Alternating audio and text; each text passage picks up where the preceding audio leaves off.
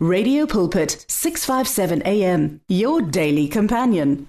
Hello, my name is Pastor Kenny Mukwena and it's time for you to experience the blessing. Welcome to the broadcast today. My name is Pastor Kenny Mukwena. So we are going to have a wonderful time. We started a conversation um, last week on the message I've titled "The One Thing." Man, I tell you, this message is so relevant, especially at the beginning of the year. I don't know what you are up to this year, but as for me, I just want to do what the Lord wants me to do. I don't want to run around doing my own thing. That is why it is so important right now that we seek the Lord more than ever. The month is almost over. The month of January is almost over. When we get into February, things begin. You know, the month of January is a is a prayer it's a prayer month. It's the month where we separate ourselves unto the Lord. to hear the instructions of the Lord, to hear what the Lord is saying to us. Remember, the Bible talks about the sons of Issachar who understood the signs of the times, and not only that, but they also knew what Israel ought to do. You know, it's one thing to know what God is doing, what God, you know, um, uh, requires of you. Uh, it's, a, it's one thing to understand the times that we're living in, that Jesus Christ is coming back very, very, very soon. but it's another story altogether to know what we need to do at this time so don't just ask the lord what is doing right now what are the times the, the and the seasons that we are in but seek to understand what is your part in this what does god want you to to do what is your what is your share in what God is doing right now what is your what is your portion what is it that God has called you to do to you know fulfill divine purpose at the time that we are living in that is why in last week's um, show I spoke about the fact that when you look back to 2024 in December you look back to you know to review how the year has been like don't measure the year based on material things that you have accomplished well there's nothing wrong with with with you know material things that uh, we accomplish but those things do not define success success is not defined by the material things we accumulate Success is defined by us walking in the call of God for our lives, walking in the path that God has has prepared for us. Remember Psalm 65 verse 11 it says God has crowned your year with his goodness and his path drips with abundance. So he has crowned your year with his goodness, but his path drips with abundance. So meaning when your year is crowned with the goodness of God, you need to walk in his path because it is in his path, you know, where abundance um, um, it's, it's the order of the day. So the, I'm, the, I'm on this um, uh, message or, or conversation, the one thing for us to put things in perspective right in the beginning. My brother, my sister, seek to do the will of God for your life. A purposeless life, it's no life at all. You know, you begin to experience life when you begin to walk in divine purpose. You know, I I I, I read a scripture, Proverbs 29, verse 18. in the message translation and my goodness it brought some perspective to me it says if people can't see remember remember that scripture that says uh, without vision people perish that scripture that says without vision people cast off restraints when you read that uh, proverbs 29 18 in the message translation it says if people can't see what god is doing they stumble all over themselves but if they attend to what he reveals they are most blessed. Profound scripture. If people can't see what God is doing, they stumble all over themselves. But if they attend to what He reveals, they are most blessed. So let's break break it down before we go deeper into this conversation we are having. So if you can understand what God is doing, you run around, you run aimlessly, and you you you you trip yourself, you stumble. That is why when you read um, the book of Hebrews chapter I think it's chapter um, which verse is chapter 12 if I'm not mistaken.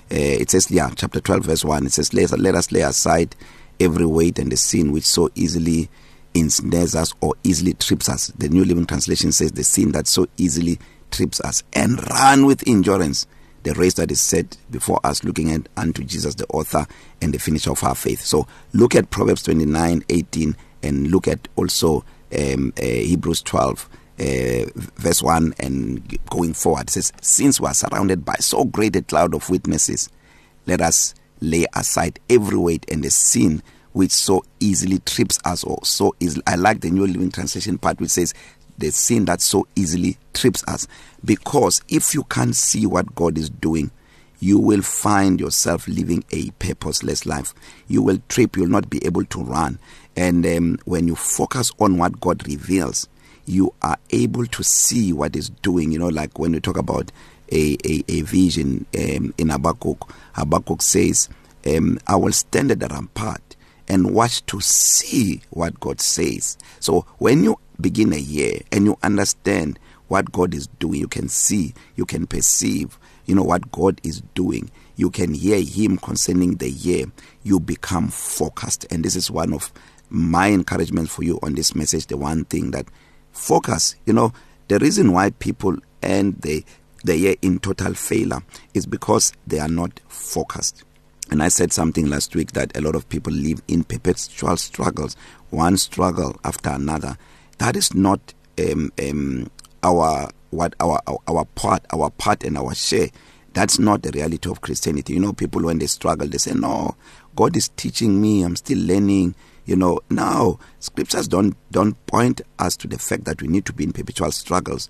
uh, in order to learn. God teaches us by his word. Of course, when we go through challenges, James tells us that it is the testing of our faith so we grow stronger in faith. In fact, I believe that tests come when there is faith. Tests are not supposed to just come to a weak believer? What kind of a father would allow you to take a test when he has never trained you? Even at school, you have to learn first because before a test can come. There is no parent who can give, who can place a child in distress and say, I'm teaching you something. God does not work like that. Challenges come to test faith that is there. That is why the Bible tells us that God will not allow us to go through um, um, anything without providing a way of escape. In other words, anything that God allows to come into our lives is because God has already prepared us and given us the capacity to with, to withstand it. So listen to me now. When James talk about the testing of our faith, says count it all joy my brothers when you go through various challenges. It is the testing of your faith. So when there is a test it means you have already traveled some journey. So never use uh, uh, perpetual struggles and say no you are still learning something no there is no such a thing in fact how i have i have learned, learned christianity is that when you get born again you're still new in the things of god you will find that uh, you know you pray something happens just like a child when they ask anything from their parents you know um, their parents are always open to give to them but the moment they begin to grow um, and the parents start teaching them responsibility you know because God is interested in our growth so i'm saying this to point you to this remember i talking about the one thing and um uh, the the one thing that we must put in place to take care of the rest at some point you need to pause and say okay let me review the past 5 years how has the past 5 years been if you find yourself that you have been in the same place that whole 5 years something is wrong because we serve a god who is progressive is always moving and he wants to move with us that is why the bible talks about uh, um, uh, um when when when uh, the apostle paul in romans uh, chapter 1 tells us Romans chapter 1, I think verse 16 or verse 17. He says, I'm not ashamed of the gospel of Christ because the gospel is the power of God to salvation to everyone who believe, uh, the Jew first and also the Greeks, as it is written. Um, it, it, it says, uh, the, the, the, uh, it is the, the, I'm not ashamed of the gospel of Christ because the gospel is the power of God to salvation to everyone who believes. Um, and it talks about um, from faith to faith. You remember that? He says from faith to faith and then he says because the just shall live by faith from faith to faith from faith to faith so we are required to move from faith to faith even second corinthians chapter 3 when you read uh, verse 18 it says we all with unveiled face beholding as in a mirror the glory of god we become transformed into that very same image of glory from glory to glory just as by the spirit of god so God is always progressive. He requires that we always advance. We are not always in the same level. So do an introspection check where are you in in in your relationship with God how much of Jesus Christ himself are you appropriating because you can know the scriptures but you're not appropriating Christ to know the scriptures does not mean to appropriate Christ so we're talking about the one thing that we draw from the Luke from the book of Luke chapter 10 where Jesus said to Martha when she came to him and said don't you care that my sister is, has left me to serve alone Jesus said to her Martha Martha you are troubled and worried about many things but one thing is needed one thing is needed and Mary has chosen that good part and I said in last week's uh, show that that could the word part there does not mean a place it means a portion or a share because you know many sermons talk about the place that Mary chose to sit at the feet of Jesus and listen to his word which is good but it's more than that if you sit and just listen to the word but the word does not penetrate you you know the word that you hear does not reveal Christ does not placed you in that position where you appropriate Jesus Christ for yourself, you will still find yourself in perpetual struggles. Let me tell you what we need in the life that we are living in, especially the times we are living in, is Jesus Christ. The whole world, including Muslims, those who do not know Christ, they are looking for Jesus, but they do not know. They are rejecting him, but they do not know that he's the one they need. Even the Jews, you know, the Buddhists, you name them, everyone in the whole world is seeking peace and you can't find peace outside of Jesus Christ that's why in John 14:27 Jesus says peace I leave with you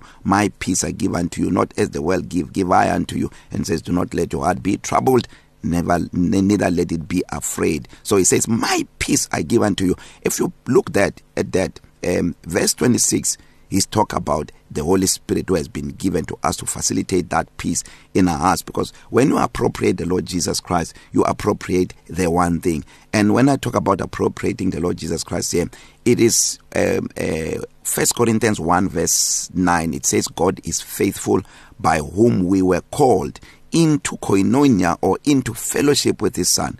God is faithful by whom we're called into fellowship with his son. So God has called us to fellowship with Jesus.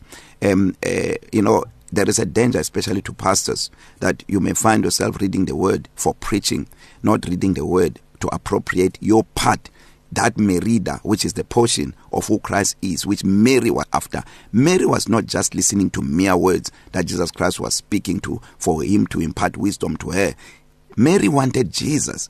She was interested in him. She delighted in being with him. And when she delighted in being with him, he imparted himself to her. And this is the secret of success in everything. This is how I do it. I'm interested in him. And I tell you, I grow in every area of my life because I appropriate my share of who Christ is. Psalm 16, verse 5, it says, The Lord is the portion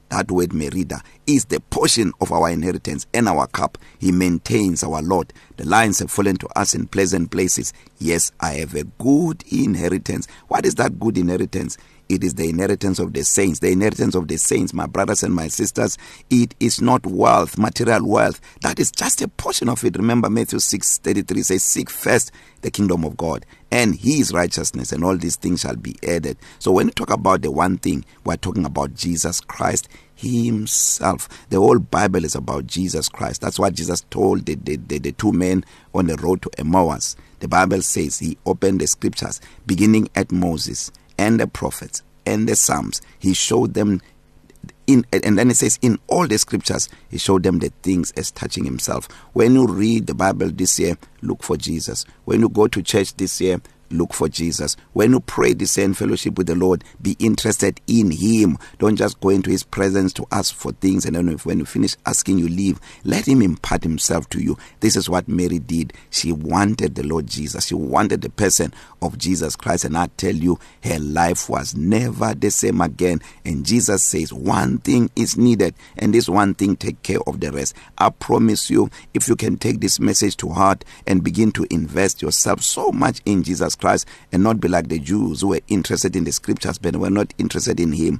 you will look back to the year and say, This was the most successful year I have ever had. Put the one thing in place, choose that good part that Mary chose, and I tell you, your life will never be the same again. You will look around in your life and you will see everything perfect. You will no longer be troubled in your heart, you no longer lack peace, and always ask questions why are things not working out? Fix the one thing and everything else will be fixed in Jesus name amen and amen i've run out of time let me pray for you if you're not born again you have not made Jesus the lord of your life it starts there that's how we put the one thing in perspective by giving our life to Christ so make this simple prayer with me say lord jesus i thank you for dying for me on the cross today i receive you as my lord and my savior Amen and amen. If you made that prayer, you are born again. You are my brother, you are my sister. I will see you in heaven. God bless you. I love you so much. See you again next time. God bless. The words of the Lord are words of life. Your heart is on 657 AM. 657 AM. Radio for believers in action.